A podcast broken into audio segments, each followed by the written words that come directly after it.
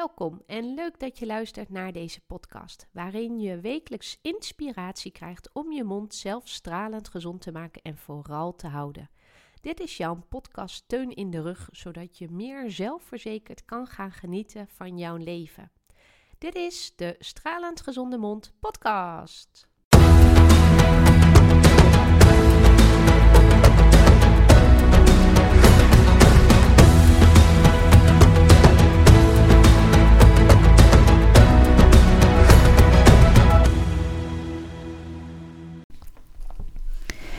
Overal waar je kijkt liggen bladeren. Het is overduidelijk herfst. Frisse ochtenden, sluiers van mist, kortere donkere dagen. De herfst is het seizoen van de oogsten binnenhalen en ons klaar te maken voor de winter. En of dat nou een winter wordt die uh, koud is met sneeuw en misschien wel een Elfstedentocht of juist zo'n enorme, natte, druilerige winter. Het maakt niet uit. De herfst staat voor opruimen en loslaten. En de bladeren op de grond zijn er het symbool van. Je mond verzorgen is als de herfst. Alleen dan natuurlijk het hele jaar door. Want je komt er niet mee weg om het alleen maar in deze periode te doen. En dat is de reden, of de reden daarvoor is dat mondbacteriën gewoon geen winterslaap doen. En er is dus ook een heleboel wat je zou kunnen opruimen en loslaten rondom de mondverzorging. Hè, of uh, rondom je overtuigingen met betrekking tot uh, hè, jezelf. Uh, wat je zelf kan doen rondom je mondverzorging of je mond stralend gezond houden. Het is dus ook altijd zinnig om even stil te staan en te kijken wat jij kan leren van deze herfst. De sluiers van mist die boven de weilanden staan en zo typisch zijn voor de herfst, uh, versperren het verre uitzicht. Ze dwingen je er toe om naar jezelf te kijken, bij jezelf te blijven. En dat kan best wel uitdagend zijn in deze drukke tijd. En ik merk zelf dat de tijd me soms letterlijk door de handen vliegt. En dan voelt het onmogelijk om ook nog een extra activiteit toe, eh, toe te voegen. Toch zal het helpen om bewust te kiezen om even stil te staan en om ons heen te kijken. En dan vooral naar onszelf. De mist is als een symbolische spiegel. Wat vertelt de mist jou? Mij leert het op keuzes te maken. Ik wil vaak veel te veel. Ik vind alles leuk en dat gaat gewoon niet. Je kunt niet alles doen. Of althans, ik kan niet alles doen op dezelfde manier, met dezelfde kwaliteit of dezelfde intensiteit die ik zo graag zou willen. Dus focus is echt mijn codewoord. En een spiegel dwingt mij om antwoord te geven op welk gebied ik de focus wil leggen. En als ik dan nadenk over mijn enthousiasme en dus doordenk waar het symbool voor staat, zie ik terugkerende patronen bij mezelf. En misschien kan jij bij jezelf ook wel van die terugkerende patronen herkennen.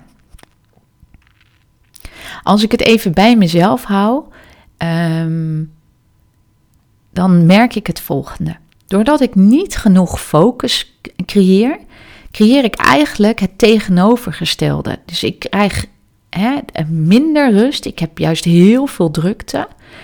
En dat komt omdat als je natuurlijk heel veel activiteiten doet, dat geeft natuurlijk altijd um, heel veel werk. En daarmee komt automatisch meer drukte. Want er is zoiets als die fysieke drukte, maar ook nog geestelijk. En als ik dan nog eens wat dieper ga graven bij mezelf en afvraag waarom ik dan niet focus op één ding, ja, dan kom ik toch wel steeds dichter weer terug bij mijn belemmeringen en overtuigingen. En zo zit het ook bij jou. En ooit heb ik een keer gelezen, en ik weet niet van wie het is, is als je jezelf vier tot vijf keer de vraag stelt waarom, hè, en dan zonder oordeel, kom je echt bij uh, de kern. Dus echt bij uh, de basis uit. En volgens mij is dit waar dan ook werkelijk het opruimwerk en loslaatwerk in verscholen ligt. En dus het gaat misschien niet qua mondverzorging om um, de fysieke uh, verzorging zelf, waar je iets moet opruimen of loslaten. Het gaat hem dus in dat deel wat daar rondomheen zit, wat daarachter ligt eigenlijk. En als het je lukt om hier tijd dus voor vrij te maken en het werk te doen wat eigenlijk voor jou klaar ligt om uh, te doen, zal het je zeker veel gaan opleveren. Helaas niet altijd op korte termijn, want uh, soms hè, heeft iets tijd nodig. En dat is soms ook best frustrerend, want als je het hebt over uh, doorzetten en um, het volhouden, wil je juist graag beloning krijgen. En als je het hebt over uh, mondgezondheid, zijn er misschien processen die al plaats hebben gevonden uh, in je uh, kindperiode. Hè, denk bijvoorbeeld maar eens na dat je ehm, nou ja, gevallen bent met de fiets, precies op die ene voortand. Um, hè, die heeft toen een, best een klap gehad. Er is een stukje van afgebroken. En dat is eigenlijk altijd goed gegaan. Maar zoiets kan altijd escaleren. Dus dat is enorm frustrerend.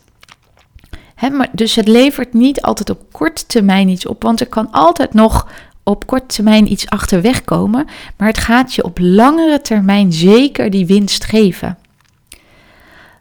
Als je namelijk blijft doen wat je altijd doet, krijg je wat je altijd kreeg.